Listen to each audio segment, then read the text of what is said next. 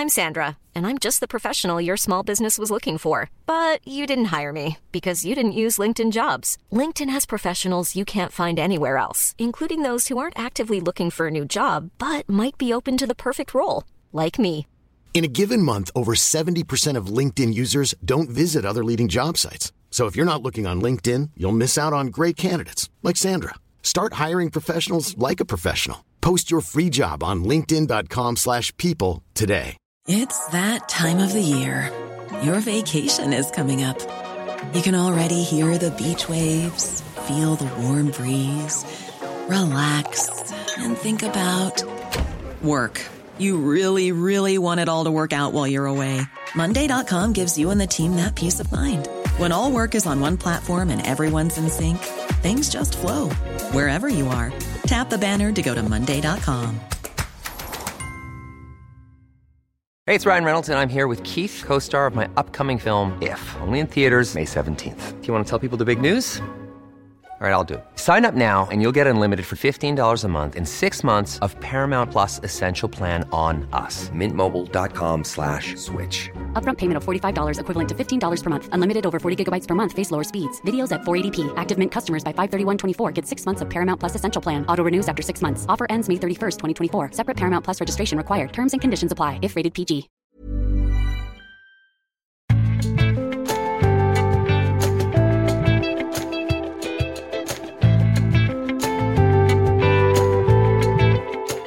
Har ortodoks kristendom med krigen i Ukraina å gjøre? Og hva bør alle nordmenn vite om ortodoks kristendom? Dette er Tore og Tarjei, en podkast fra dagen. Tore Hjalmar Sævik heter jeg, og i dag har jeg gleda av å ta imot en gjest her i studio, som er Karoline Serk Hansen. Velkommen. Takk for det. Du er invitert fordi du er vel en av de norske eh, ja, forskerne, kan en si, eller formidlerne, som vet mest om den ortodokse kirke. Eh, du har skrevet ei bok om det, som kom for eh, et par år siden. Og eh, har også dermed da innsikt i den situasjonen som vi står i i dag, der eh, ortodoks kristendom er blitt blanda inn i en veldig dramatisk konflikt som preger Europa. Og for å starte med det Hvordan er sammenhengen mellom kirka i Russland og politikken i Russland? Ja, det er jo et uh, sentralt spørsmål å stille. For det virker jo som det er helt symbiotisk når man, man får den forestillingen når man ser hvordan Kirill, patriark Kirill, som er kirkens overhode, støtter Putin. Uh, og det er jo ikke statskirke, uh, offisielt sett, i Russland. Det er jo et Man har på en måte fire tradisjonelle religioner som er nevnt vel i Grunnloven, og det er jo altså kristendom, altså underforstått ortodoks kristendom, og så er det islam. For det er jo mange, veldig mange muslimer i, i Russland. Uh, og så er det jødedom, og så er det litt overraskende kanskje, det er også buddhisme, fordi at Russland strekker seg jo ned mot buddhistiske områder også. Så, så de er de fire liksom, tradisjonelle religionene som nyter en viss sånn uh, på en måte privilegert status da i, i Russland. Uh, men det er litt sånn som i USA, at selv om det er skille mellom kirke og stat, så er jo kirken til stede ved presidentinnsettelse. Altså helt siden Jeltsin ble innsatt, så har det vært en det vært en verdslig del av seremonien, også en kirkelig etterpå. Hvor presidenten har uh, vært i et sånt det gamle tsarenes privatkapell i Kreml. Hvor det har vært en kort sånn bønnestund hvor presidenten har blitt velsignet, da. Som er på en måte i etterkant av den offisielle politiske innsettelsesseremonien. Uh, og så er det kommet med Grunnloven en siste endring som kom for et par år siden, hvor Putin ville ha inn at en setning om at, at, at Gud, at russiske folk har hatt Som at troen på Gud har vært viktig for russerne. Eh, og at ekteskapet er mellom mann og kvinne. Og da var dette en del av en større pakke da, med grunnlovsendringer som man skulle stemme på.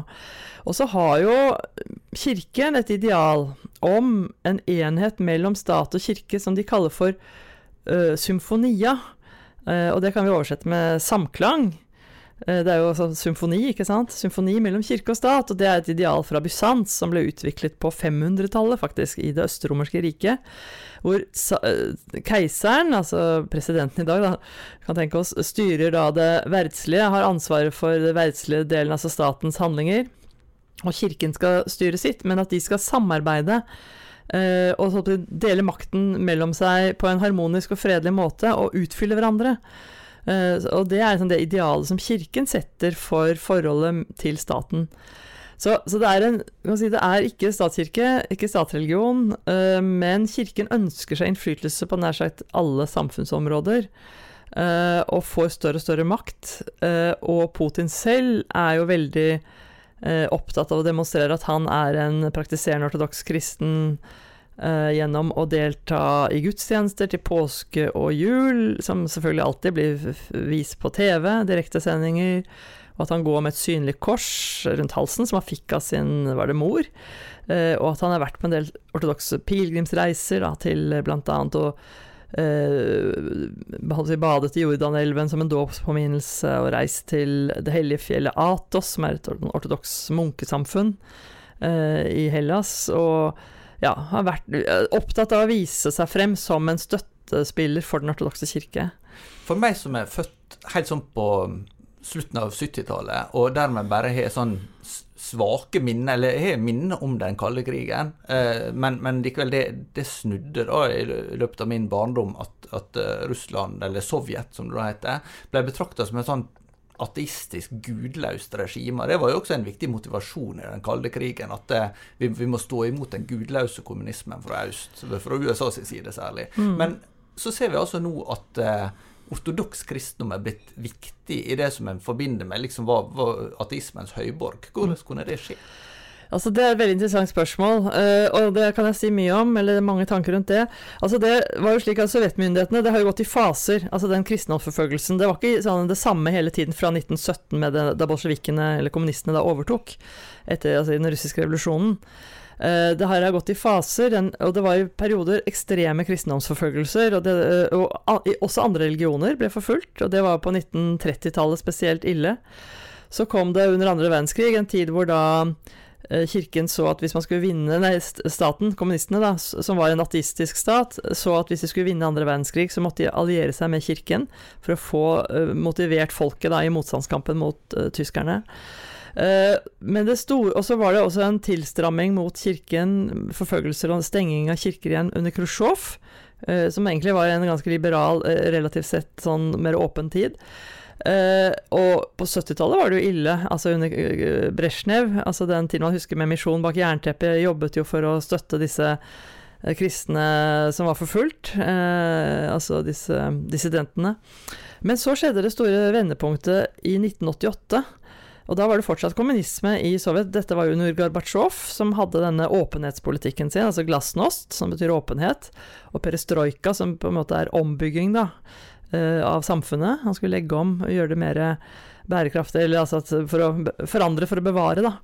Eh, og åpnet opp en mykere linje overfor kirken, innså, hvor man offisielt innså da i kommunistpartiet at ortodokse kirke hadde spilt en viktig rolle for landets uh, kultur og, og Eh, i motstandskamp mot forskjellige krig, altså invasjoner og sånn. Uh, og det store vendepunktet kom da med tusenårsjubileet for kristningen av Russland i 1988. Og da ble, begynte man å gjenåpne mange klostre som hadde vært stengt, og mange kirker ble åpnet. Og fra da så har det bare eskalert. Uh, at kirken har fått større og større åpenhet og frihet, frihet, også under kommunismen, faktisk. For det var ikke først i 1991 at Sovjetunionen ble oppløst. Um, så det er, eh, det er, si, er vendepunktet. Men så har det jo vært et veldig rart altså ambivalens der, for helt fra uh, slutten av 20-tallet så ble kirken Da var det en uh, leder av kirken som, som ble kan man si presset, eller til å gå med på at altså man måtte innse at kommunistene hadde vunnet. Det var ikke noen vei tilbake. Dette regimet var kommet for å bli. Han het Sergi, metropolitt Sergi, og han sa en veldig berømt uttalelse at Sovjetunionens seire er våre seire. At kirken er lojal mot sovjetmakten. Og han var jo presset til det, selvfølgelig, men fra da av kan du si så har kirkeledelsen vært Ja, de var forfulgt, men de, de utad så var de lojale overfor sovjetmyndighetene. Uh, og dette ble forsterket under andre verdenskrig. Um, så kirken fikk bevare en viss det ikke, sånn, De gikk ikke helt under jorda. Altså, de fikk ha gudstjenester noen få steder. Alle, altså De fikk ikke drive misjon, de fikk ikke drive katekese eller noen ting, men de fikk lov til å ha gudstjenester i noen få kirker, da. Uh, I hele sovjettiden, faktisk. Og det er det mange som ikke er klar over, for mange tror at alt var forbudt. Uh, så, og da var det også en betingelse for denne muligheten til å overleve så vidt det var. Det var jo at de var lojale, og det innebar jo også at mange, og særlig biskopene, var godkjent av KGB, altså, datid, altså forløperen til FSB, altså sikkerhets... Altså Etterretningstjenesten. Eh, sikkerhetspolitiet. Eh, at um, biskopene ble jo da nødt til å gi fra seg informasjon hvis de fikk vite noe som var f.eks. noen som troende som var kritiske eller ville opponere mot regimet.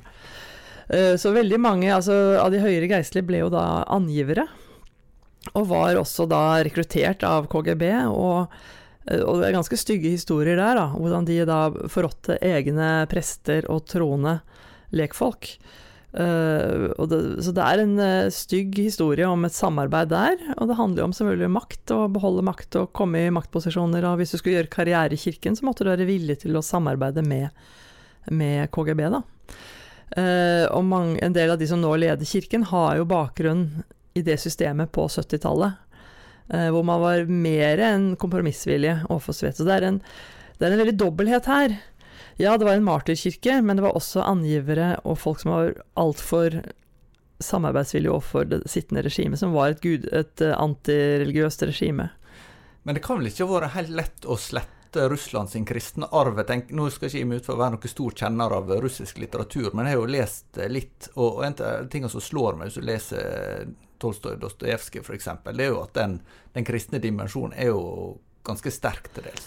Absolutt, og det er jo en veldig viktig del av russisk eh, selvbevissthet, nasjonal kultur, at den ortodokse kirken har vært en veldig viktig samlende kraft i perioder av russisk historie hvor man var Russland var splittet opp i mange rivaliserende fyrstedømmer, og kirken var limet, akkurat som språket og kirken var limet i dette i, når det var borgerkrig, kan du si, mellom disse fyrstedømmene som lå i krig med hverandre i middelalderen. Eh, før, eh, altså på 1500-tallet, hvor kirke, Russland ble samlet. Og også hver gang det var fremmed invasjon, enten det var mongoler, tartarer, eller det var Napoleon, eller det var tyske korsfarerriddere, eller da Hitler i 1941, så var jo kirken en veldig viktig sånn samlende kraft. Som samlet folket. For det å være si, Identiteten som det å være russer og det å være ortodoks ble jo sett på som nærmest synonymer. Og et interessant eksempel på det er at ordet bonde Det var jo overveiende en bondebefolkning. Eh, ordet for bonde på russisk, det er kristianin. Og kristianin og kristianin, det er jo veldig nær Det er jo etymologisk sammenheng der. Så en bonde, altså en kristen. Men så er vi nå i den underlige situasjonen at Russland, som er jo det landet i verden med flest ortodokse kristne, har gått til angrep på Ukraina, som er landet i verden med nest flest ortodokse kristne, og har til dels nesten en slags religiøs begrunnelse for det. Ja, og det er det som blir så groteskt, fordi uh, altså man, Et eller annet sted mellom 100 til 140 millioner regner man med at det er av ortodokse kristne i Russland, som er døpt da, uh, av en befolkning på Nå er det vel eh, 145 millioner russere omtrent. Altså hvis da og ca. 70% av dem regner seg som ortodokse kristne hvis de blir spurt i, i, meningsmålinger og sånn. Og Ukraina, da, med en befolkning på, i hvert fall før invasjonen, så nå har jo mange flyktet, på 44 millioner, var det vel. Og der også er det ca. 70% som regner seg som ortodokse kristne, hvis de svarer på det på spørsmål om det. Så det er, altså, det er jo det at de er jo Og ikke bare det, men patriark Kirill, før krigen startet, før den store invasjonen Altså, det var jo krig fra 19, 18, 2014 og i øst til landet, men altså fra den store invasjonen, fullskalakrigen, eh, i 2022, så var det slik at eh, de aller fleste ortodokse menighetene i Ukraina, de tilhørte jo Moskva-patriarkatet. Det var en tredjedel av alle Moskva-patriarkatets menigheter i verden, en tredjedel av dem, 12 000 ca., befant seg i Ukraina. Uh, men så var det da uh, Og det er jo da at, at overrådet for denne kirken da velsigner egentlig Uten å si direkte at jeg velsigner denne krigen, så har han jo gjort det gjennom mange handlinger, at han har vist støtte til, gjennom prekener og sånn til Putins angrepskrig, uh, uten direkte å si at jeg velsigner krigen. Vi, vi skal komme tilbake til det med, ja. med akkurat uh, selve krigen, men jeg tenkte før ja. det for, for, forklart dette med patriarkat. For det er jo sånn at den ortodokse kirke kan på en måte betraktes som en enhet, og samtidig så er den en slags kirkefamilie, må man vel nesten kunne si. Ja. Eh, kan du si noe om, om hvordan dette henger sammen? Ja, det er litt vanskelig for folk å skjønne her, men en sammenligning som man kan bruke, er jo de nord... Litt, ikke helt dekkende, men nokså. Det er jo at Du har jo den katolske kirke med ett overhode, så er det som en altså, hierarkisk pyramide, ikke sant. Eh, nedover, med én, ett overhode. Men i den ortodokse kirke så er det mange selvstendige kirker med hvert sitt overhode. Og kan sammenligne med de nordiske, ja, de evangelisk-lutherske kirker. For du har jo Evangelisk-Luther Verdensforbund, som vel er samlet nå er det ikke det? Ja, det ja. pågår nå i Polen. Eh, så man har en følelse av at man tilhører én familie der òg, men de kirkene er innbyrdes uavhengig av hverandre, selvstendige. Og slik er det også i den ortodokse verden. At det er en rekke selvstendige kirker, og så er det noen som har litt mindre grad av selvstendighet, som er underordnet de store selvstendige kirkene. Og det er altså et sted mellom 14 eller til 16 selvstendige ortodokse kirker, litt avhengig av om man anerkjenner den nye ukrainske ortodokse kirke eller ikke. Uh, og så er det også en kirke i USA som er litt uh, omdiskutert, sånn sett, da. Uh, så tallet et sted mellom 14 og 16 selvstendige ortodokse kirker, men de har allikevel en felles enhet. De har samme liturgi, samme teologi. Men de har forskjellig språk og litt sånn forskjellige lokale tradisjoner. Altså Noen bruker gresk, og noen bruker slavisk. Altså ikke russisk, men kirkeslavisk, som er et sånt gammelt liturgisk språk. Som har en del felles med russisk og bulgarsk. Og ja, det er gammelbulgarsk, egentlig. Og så har du da også kirker som bruker lokale språk, altså andre, f.eks. i Norge, så er det en menighet her i Bergen som bruker norsk. Uh, ja, så, og, og, da nå i Ukraina, hvor de bruker ukrainsk osv. Rumensk, men, ja. Men i hva grad kan vi si at denne konflikten handler om teologi, eller om, om eh, kirkemakt, da? Det er jo egentlig det siste. Det handler om kirkemakt. For det er ikke en teologisk eh, begrunnelse. Det er ikke en teologisk, altså dette er ikke en religionskrig. Men religion spiller en veldig viktig rolle i krigen allikevel, på begge sider. Uh, og dette handler om kirketerritorier fordi uh, Altså, jeg tror det, handler, det er to spor her, to parallelle spor. Altså, Putin uh, har jo et ambisjon om å gjenreise det russiske imperiet, slik jeg tolker det. Og Ukraina var en ekstremt viktig del av det eh, russiske imperiet, både i sovjettiden, altså da det var Sovjetunionen, så var jo Ukraina den nest viktigste sovjetrepublikken etter den russiske sovjetrepublikken. Det var jo 15 sovjetrepublikker. Uh, men også i tsartiden. Det var jo et imperium før Sovjetunionen. Det var jo det russiske imperiet med tsaren, og da var også Ukraina en del uh, av dette russiske imperiet. Finland var også en del av det, for øvrig. Og så, og den russiske patriarken har jo sett hele dette tidligere Sovjetunionen, bortsett fra Armenia og Georgia, som har egne gamle kirker, veldig gamle kirker, helt fra 300-tallet. Så har jo Moskva-patriarkatet sett på se på Sovjetunionens Altså det som var Sovjetunionen, da, og, og det russiske imperiet før det, som sitt kirkelige territorium. Så Putin vil gjenreise det, i hvert fall den slaviske delen av imperiet, helt klart, altså med Hviterussland, Ukraina og Russland som man ser på som broderfolk som hører naturlig sammen, som ikke skal være atskilt. Som skal være en enighet. Uh, og kirken, kirkeledelsen i Moskva-patriarkatet, ser da på hele territoriet som sitt domene.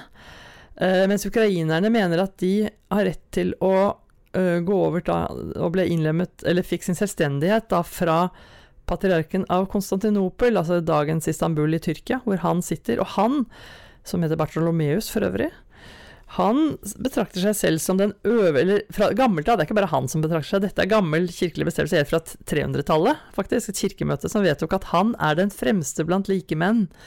Eh, en slags Ikke helt som paven, for han har ikke direkte makt over alle de ortodokse kirkene, men han har en æresrang. Og når det skal megles i konflikter, så er det han som skal eh, konsulteres og, og avgjøre viktige saker. Og han mener også da at han har rett til å bestemme over altså hvis, siden Ukraina, altså moderkirken i Ukraina fra gammelt av, og da må vi tusen år tilbake i tid, til da, da Russland, nei, Kiev ble, eller Ukraina ble kristnet, det som den gang het eh, Kiev-Ros, altså det russiske riket, eh, da ble jo det kristnet fra Konstantinopel, fra Øst-Romerriket, slik at det var patriarken i Konstantinopel som var overhodet for den kirken i dette nye, altså nye i Ros, da, dette slaviske, østslaviske riket med, med hovedstad i Kiev, eller Kyiv som det nå heter, det var, altså, der var moderkirken var i Konstantinopel. Så det er ikke så unaturlig at patriarken der ser på at det er hans, at han har rettmessig kan utpeke den ukrainske kirken som selvstendig kirke når det, når det passer ham. Og det valgte han også å gjøre? Det gjorde han i, offisielt i 2019. Eh, han sa at han ville gjøre det allerede i 2018, og da brøt Moskva-patriarkatet med Konstantinopel ensidig. De sa vi vil ikke lenger ha nattverdsfellesskap, eh, kommunion, med dere i, i, i, det økumeniske patriarkatet, som det heter, altså Konstantinopels patriarkat. Uh, og grunnen til at de sa det, det var at de siste over 300 år så hadde Kiev, altså Kiev, Ukraina, kirken der hadde vært underordnet Moskva-patriarkatet, men det hadde den vært etter fullmakt fra Konstantinopel under visse premisser da, som de nå mente var blitt brutt. Da. Så dette her ble jo en veldig diskusjon om, om, om, dette var riktig eller ikke. Men i hvert fall så ble jo patriarken i Moskva rasende og mente at uh, ukrainerne har ikke noe rett til å til å Altså, patriarkene i Konstantinopel, da, Istanbul, har ikke rett til å gi dem den friheten. Det er min, jeg som er overhodet over Ukraina. Og det er klart at det sto veldig mye på spill for den russiske kirken. 12 000 menigheter, noen veldig viktige klostre, veldig viktig pilegrimsmål. Ukraina er tradisjonelt et veldig religiøst eh, kirke... Altså de er aktive og interessert i kirken. Så det var veldig mye som sto på spill for Moskva-patriarkatet. Og så mente de da at uh, kirkerett var blitt brutt og sånne ting. Så det er altså, du kan si det politiske sporet, med, med, med Putin som ønsker å gjenreise Russlands storhet som imperium, slik jeg ser det da. Og så er det kirken som ønsker, Moskva-patriarkatet som ønsker å gjen, uh, holde fast på sitt kirkelige territorium, sin jurisdiksjon, som det heter på kirkerettslig språk, altså sitt innflytelsesområde, sin, ja, sitt domene, da. Og her møtes det vel kanskje også i en slags eh, eh, gjensidig skepsis til vestlig innflytelse? Nettopp. Så her kan de liksom spille på Der, der går det jo hånd i hånd. Altså, Kiril støtter jo Putins prosjekt og vice versa med Altså, de har valgt en veldig antivestlig retorikk. Det går på at Vesten er dekadent, Vesten er liberal, altfor liberalt. Altså dette med, med homopolitikk, med at man aksepterer likekjønnets uh, ekteskap osv. Og, så Eh, men det interessante er at dette homogreiene, det der er jo noe nytt. Men hvis man går tilbake til denne antivestlige eh, retorikken, eller polemikken, av angrepet på Vesten, er veldig gammelt i Russland. Man har hatt det helt fra eh, kan si, fra middelalderen, fra 1500-tallet i hvert fall, veldig tydelig, og særlig og så ble det sterkt fra, fra, etter Napoleons invasjon av Russland i 1812. Eh, særlig i 1840-årene så var det en, eh, sånn idéhistorisk strid i Russland som Uh, hvor det var strid med Altså i intellektuell strid, da, sånn, ikke um, voldelig, men altså gjennom debatt da, i, i uh, tidsskrifter. Uh, mellom en gruppe intellektuelle som ble kalt de vestvendte. og så var det de slavofile. Og man skjønner at de slavofile de var tilhengere av det tradisjonelt russiske eller slaviske som var da konservative, kan du si, eller hegnet om de ortodokse verdiene og ortodoks teologi. En av dem var fremtredende ortodoks teolog, lekmannsteolog, som het Khomjakov. Uh, ja, og de uh, var jo da snakket hele tiden om det liksom, dekadente Vesten, det råtne Vesten, som var blitt individualistisk og altså, trodde på fremskritt og maskinen og sånn, mens Russland hegnet om de gamle verdiene, familieverdiene, uh, landsbyfellesskapet, bunnet, at det å være bundet til jorden Uh, som hadde den enevoldsherskeren. De syntes det var bra da med tsaren, ikke sant, som var lillefar, altså Batjorska, lille tsar, lillefar, som de kalte tsaren. Så det, det, det, her er jo en lang idéhistorisk tradisjon, og de snakket jo også om det hellige Russland. Uh, Svjataja Ros. Og det er ikke egentlig Russland sånn som vi kjenner i dag, men de brukte altså ordet hellige Russland, Svjataja Ros. Og Ros det er det samme navnet som man hadde på dette østslaviske riket, da, som ble kristnet for 1000 år siden, litt over 1000 år siden, 988, med hovedstaden Kyiv. Uh, og det Uh, er jo det både Putin og patriark Kiril nå bruker i sine taler, det er jo å snakke om det hellige Russland. Og til og med det siste nye her er jo han uh, berømte, beryktede nordkoreanske diktatoren da, som kommer uh, med tog til Russland og holder seg tale hvor han snakker om at han støtter Russlands hellige krig mot Vesten. Og det er litt interessant at han som da er et ateistisk regime, snakker om å støtte den hellige krigen. Men hvordan har eh, retorikken vært under krigen? Det var en del oppmerksomhet rundt dette sånn til å begynne med. Men er det sånn at Kirill aktivt har eh, vedholdende støtter? Ja da, og det er jo i talene, altså i prekenene hans. Han holder jo prekener i hvert fall eh, flere ganger i uka, i hvert fall. Par ganger i uka. Og disse blir jo postet av de Altså, Moskva-patriarkatet er veldig moderne når det gjelder uh, sosiale medier, uh, nettsider, og de legger jo ut videoer og fulltekst av talene hans med en gang det er sagt. Uh, hvor du kan både høre og se og lese. Og gjerne noen av ja, Ikke så ofte engelsk oversettelse, men det, det, de er veldig effektive da, til å spre dette her. Og, og da er det veldig påfallende at det er veldig lite Det er ikke så mye snakk om evangeliet, men det er, eller det er påfallende mye snakk om russisk historie. Hvordan Russlands storhet uh, viser seg i historien med russiske seirer. og Han har jo bl.a. snakket om at de som dør på slagmarken, at de blir vasket rene for sine synder. Dette er jo korsfarerideologi, rett og slett. Altså dette at du får tilgivelse når du dør på slagmarken. Det jo, dette er jo ikke ortodoks, uh, tradisjonell kristendom. Selv om man har mange krigerhelgener og sånn. Men gjerne, de ble jo gjerne krigerhelger fordi de ble drept som martyrer for den kristne troen de romerske, under de romerske keiserne.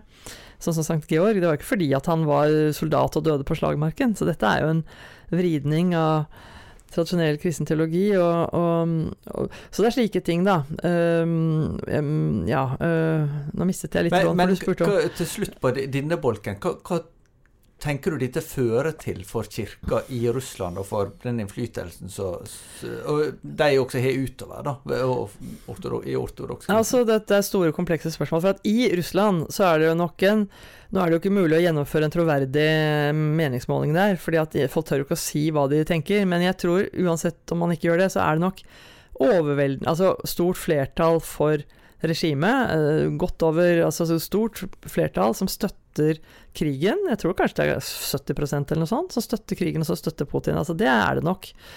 Uh, og sikkert ikke fullt så mange som er så nødvendigvis glad i kirken, men det kan være andre ting. At de syns kanskje at disse biskopene lever for, uh, har det for fett og kjører store, dyre biler og sånn. Det kan være andre ting, da, som gjør at de kan være kritiske. Uh, fordi at det er veldig stor Altså det er kanskje 70% av russere som sier at de er ortodokse, men hvis du spør hvor mange som går jevnlig gudstjenester, for det finnes jo troverdige meningsmålinger på det, så er det kanskje 4% som går ukentlig av, av, av, disse, av, ja, av den befolkningen. Uh, og det er litt høyere enn i Norge, men ikke voldsomt mye høyere enn i Norge. Uh, ja, så det er mye av det samme folk går på i begravelser og, og bryllup og barnedåp, også på i jul og påske, ikke sant.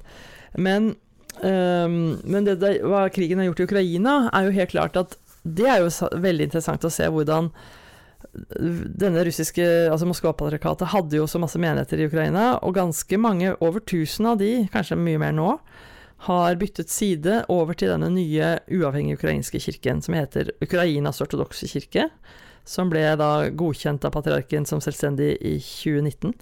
Så det siste tallet jeg hørte, men det var i fjor høst, da var det at over 1000 menigheter hadde byttet side. Og den russiske kirken er jo blitt veldig diskreditert i Ukraina, så mye at uh, president Zelenskyj foreslo uh, Eller det har vært flere røster som har talt for å forby da den uh, russisk-ortodokse kirken, eller Moskva-patriarkatets tradisjonelle kirke i Ukraina.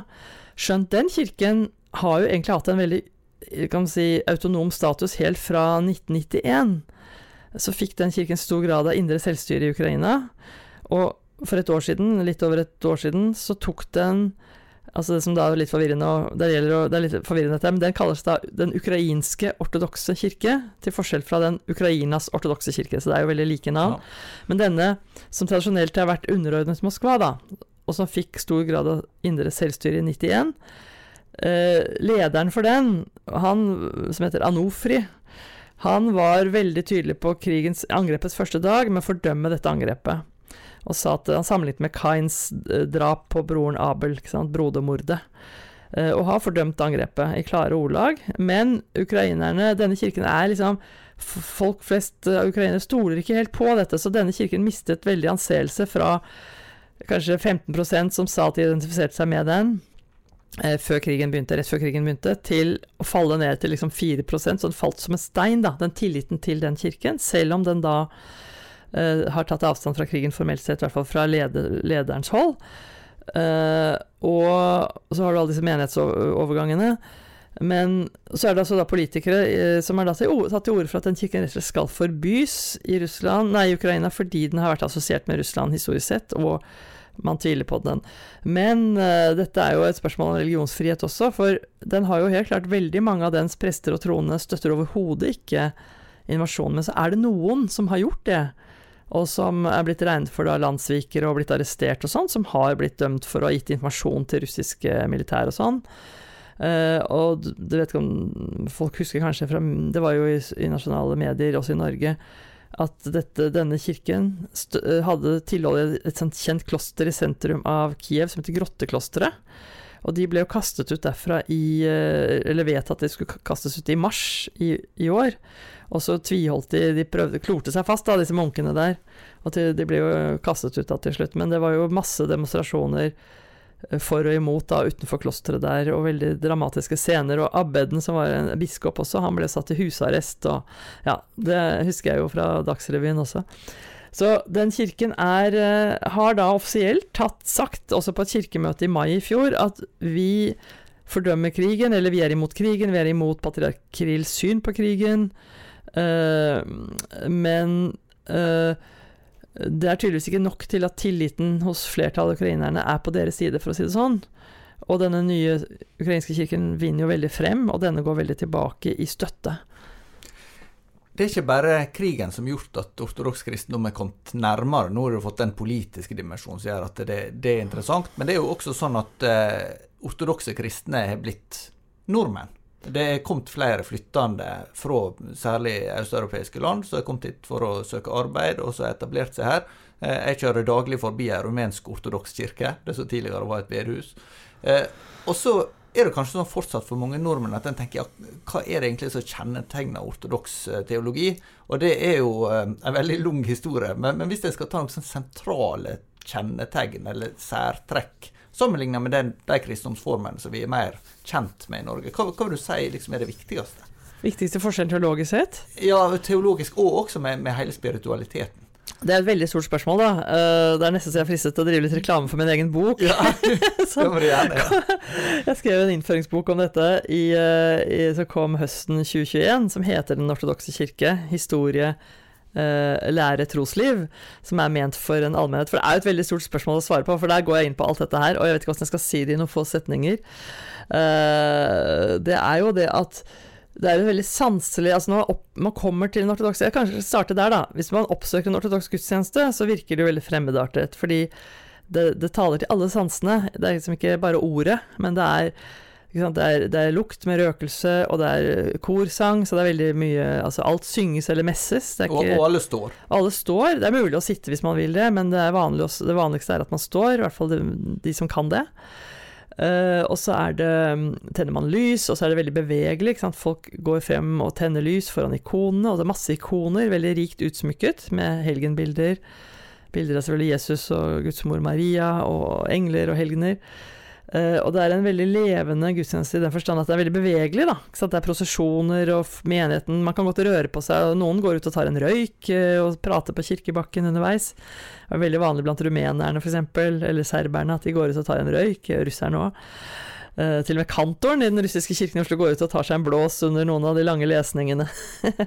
Så det er en Det er i hvert fall liksom det er, en sånn, det er en folkekirke. Dette er jo folkekirker. Det er jo ikke Det skal man huske på, at det er store folkekirker med millioner av medlemmer som er kommet hit. Uh, og så er det det at dette er aldri utvendig pynt. altså Både det som synges og det som er malt, er jo dypt forankret i Bibelen, i bibelske tekster. Altså Hymnene er jo en mosaikk av bibelske tekster, av bibelsitater. Og motivene er jo selvfølgelig Det er jo helgener som er etter Bibels tid, men det er også si Hele frelseshistorien er jo fremstilt i kirkerommet gjennom bilder. Altså de sentrale punktene i frelseshistorien, i hvert fall Det nye testamentet, da, med de sentrale hendelsene i Jesu liv. Død oppstandelse uh, og, og, sentrale ting. Uh, så det, det, er ikke, det, er ikke, bare utvendig pynt. Alt har en dypere teologisk mening. Og det gjelder også hymnene som brukes da i de er jo så verbale ikoner, kan du si. Og gestene, handlingene i liturgien. Så alt er et jeg kan si litt, jeg sammenligner med liturgien med et drama. Uh, og den, altså alt er veldig dypt teologisk, av både av bildene og hymnene og liturgien, altså alt som gjøres. Um, Men teologien, er den veldig forskjellig fra den katolske teologien? Det er, det er jo sånn formelt, og de som er litt kirkehistorisk interessert, så har det store skisma i 1054, altså snart 1000 år siden, da Vestkirka, altså, som da eh, var den katolske, og som ble opphav til de store protestantiske, eh, skilte lag med Austkirka, som da er de ortodokse, enkelt sagt. Eh, men er det sånn at en det er mer samla enn som skiller mellom katolikker og ortodokse? Det er, jeg hva skal si, Formen er jo forskjellig med liturgien og sånn, men det er jo ikke et prinsipielt skille som er så veldig viktig. Det, det fins ortodokse som har vestlig liturgi også, selv om de er veldig få. Veldig marginale grupper, men det er mulig. Uh, og man har jo ikke en pave på toppen som styrer hele kirken. altså Man har en, æres, altså en patriark med en æresrang, da, som fremst blant like menn. Og så har man uh, Men det som ofte trekkes frem som det viktigste som skiller, da, det er selvfølgelig kulturelle forskjeller, men det er jo ikke avgjørende, egentlig. Det er altså i trosbekjennelsen at man i vest la til et lite tillegg, bare noen ord. Eller på latin blir det vel ett ord, da. Filiokve Eh, den såkalte filiokvestriden som utviklet seg fra det. Og ja, så kjenner jeg på i filiokus på norsk. Ja, det er en liten digresjon. ja. Hokus pokus filiokus. Ja.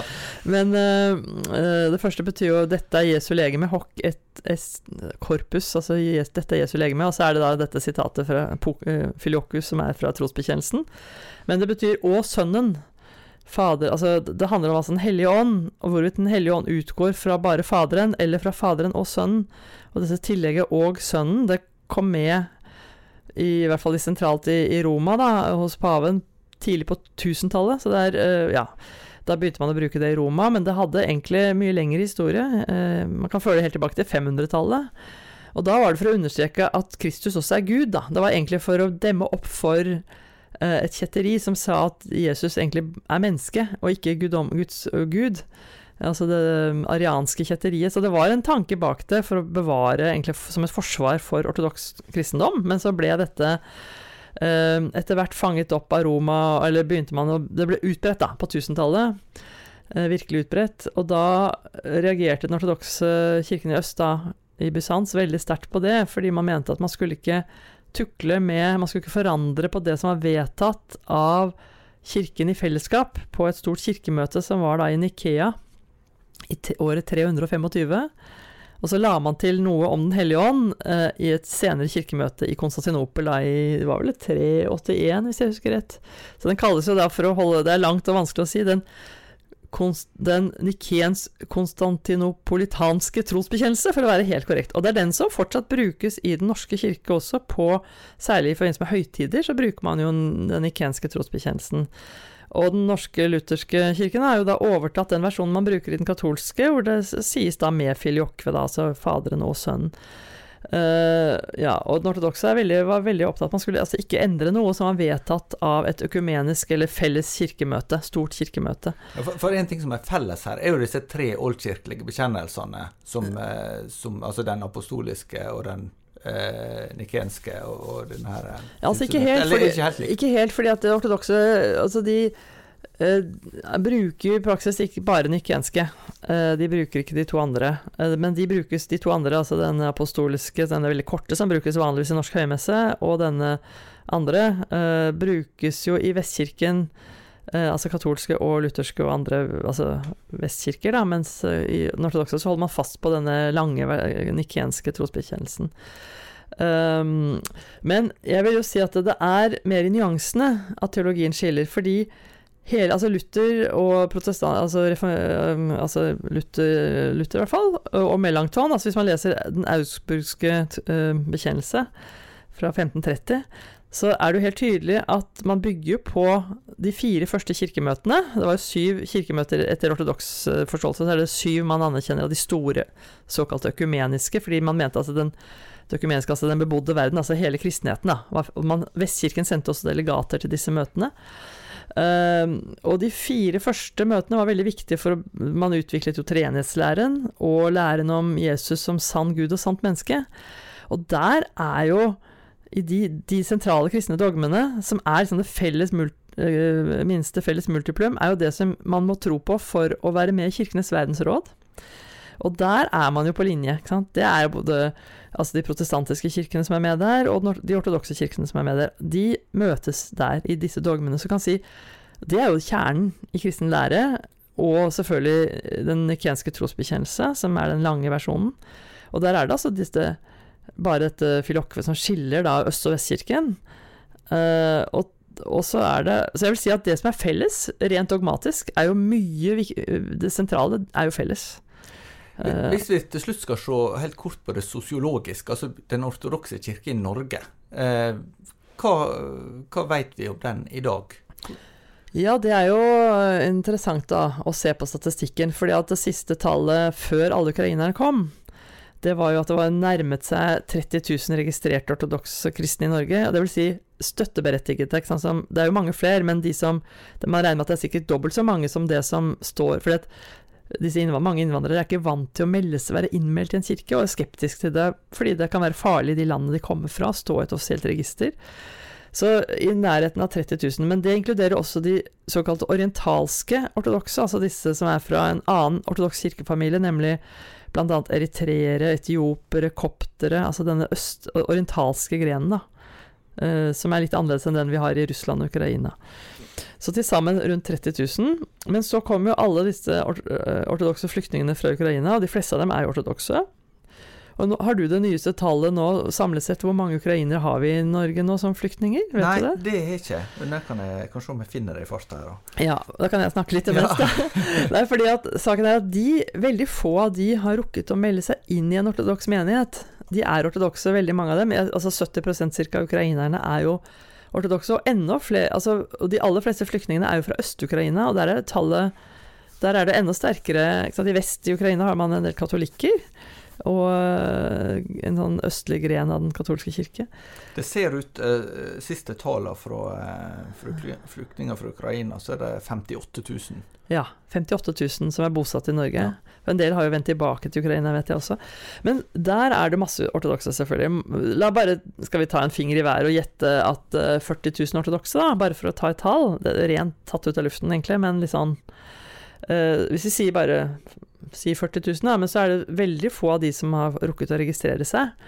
En del av dem går i menigheter i Norge som er under Moskva-patriarkatet, ironisk nok, men faktisk ja, fordi for dem er jo De er jo fra denne kirken som for så vidt har tatt avstand fra Kirill, men som historisk sett har vært under Moskva-patriarkatet. Og så er det viktigste for dem å gå i en ortodoks kirke med et språk de forstår, og da er det jo nærliggende å gå til kirker som er under Moskva-patriarkatet. For saken er at det er ikke så mange gode alternativer i Norge ennå.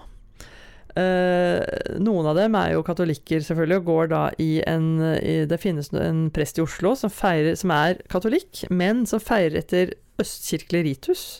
Såkalt uh, gresk-katolsk uh, tradisjon. Eller, til, mange, man snakker om de unierte også, men de liker ikke å bruke det selv. Det er et navn andre har gitt dem, da. så de kaller seg gresk-katolsk.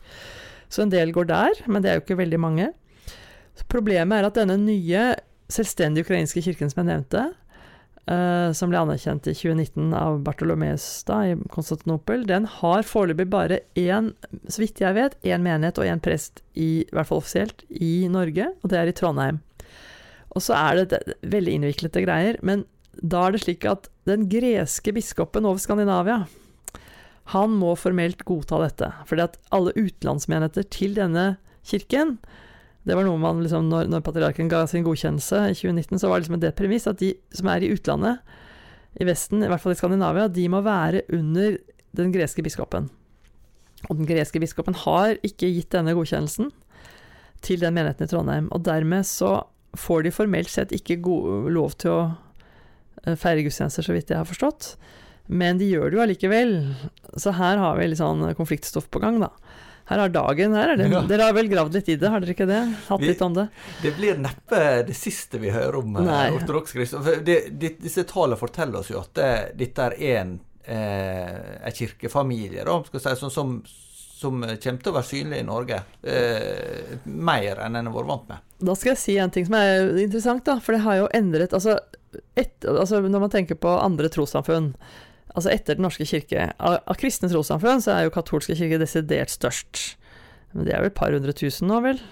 Eller nei, jeg husker ikke akkurat tallet. Men uh, eh, 150, et sted mellom 150 og 200 000, så vidt jeg husker. Og så har tradisjonelt pinsevennene samlet sett vært på andreplass da etter katolikkene utenom Norske kirke, nå snakker jeg utenom Norske kirke, så har da pinsevennene vært på ca. 40 000, ganske stabilt gjennom mange år.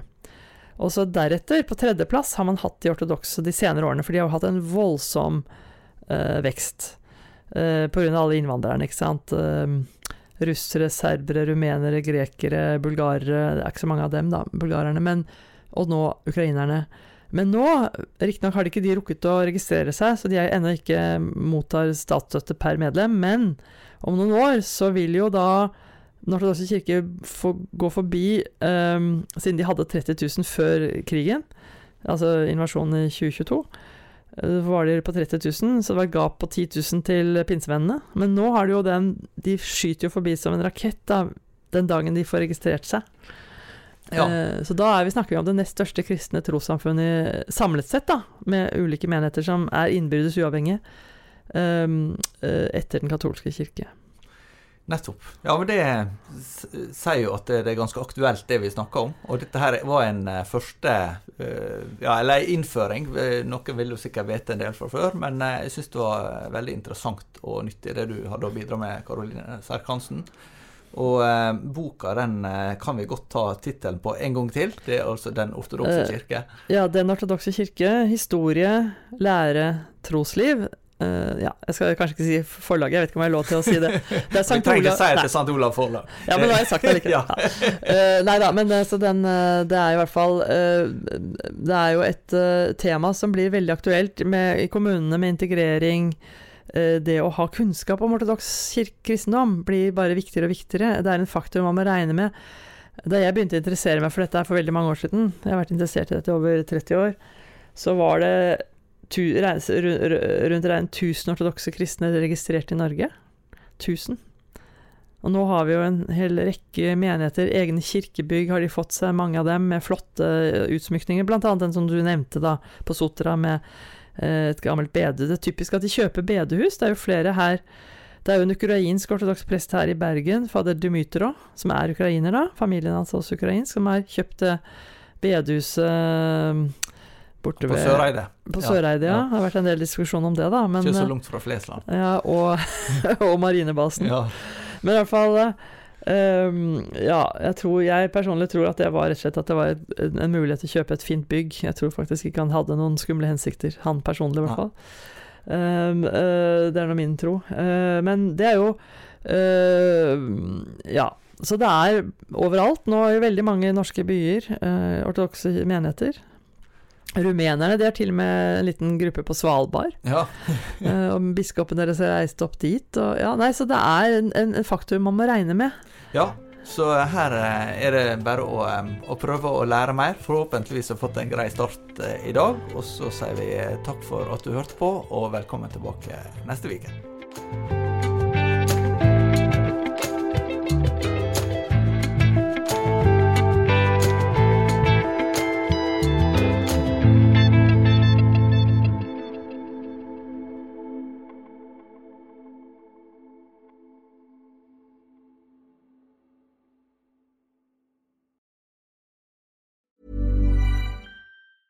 Hey, it's Danny Pellegrino from Everything Iconic. Ready to upgrade your style game without blowing your budget? Check out Quince. They've got all the good stuff shirts and polos, activewear, and fine leather goods, all at 50 to 80% less than other high end brands. And the best part? They're all about safe, ethical, and responsible manufacturing. Get that luxury vibe without the luxury price tag. Hit up quince.com slash upgrade for free shipping and 365 day returns on your next order. That's quince.com slash upgrade. Hi, I'm Daniel, founder of Pretty Litter. Did you know cats tend to hide symptoms of sickness and pain? I learned this the hard way after losing my cat, Gingy. So I created Pretty Litter, a health monitoring litter that helps detect early signs of illness by changing colors, saving you money and potentially your cat's life. Pretty Litter is veterinarian developed, and it's the easiest way to keep tabs on your fur baby's health right at home. Go to prettylitter.com and use code ACAST for 20% off your first order and a free cat toy. Terms and conditions apply. See site for details.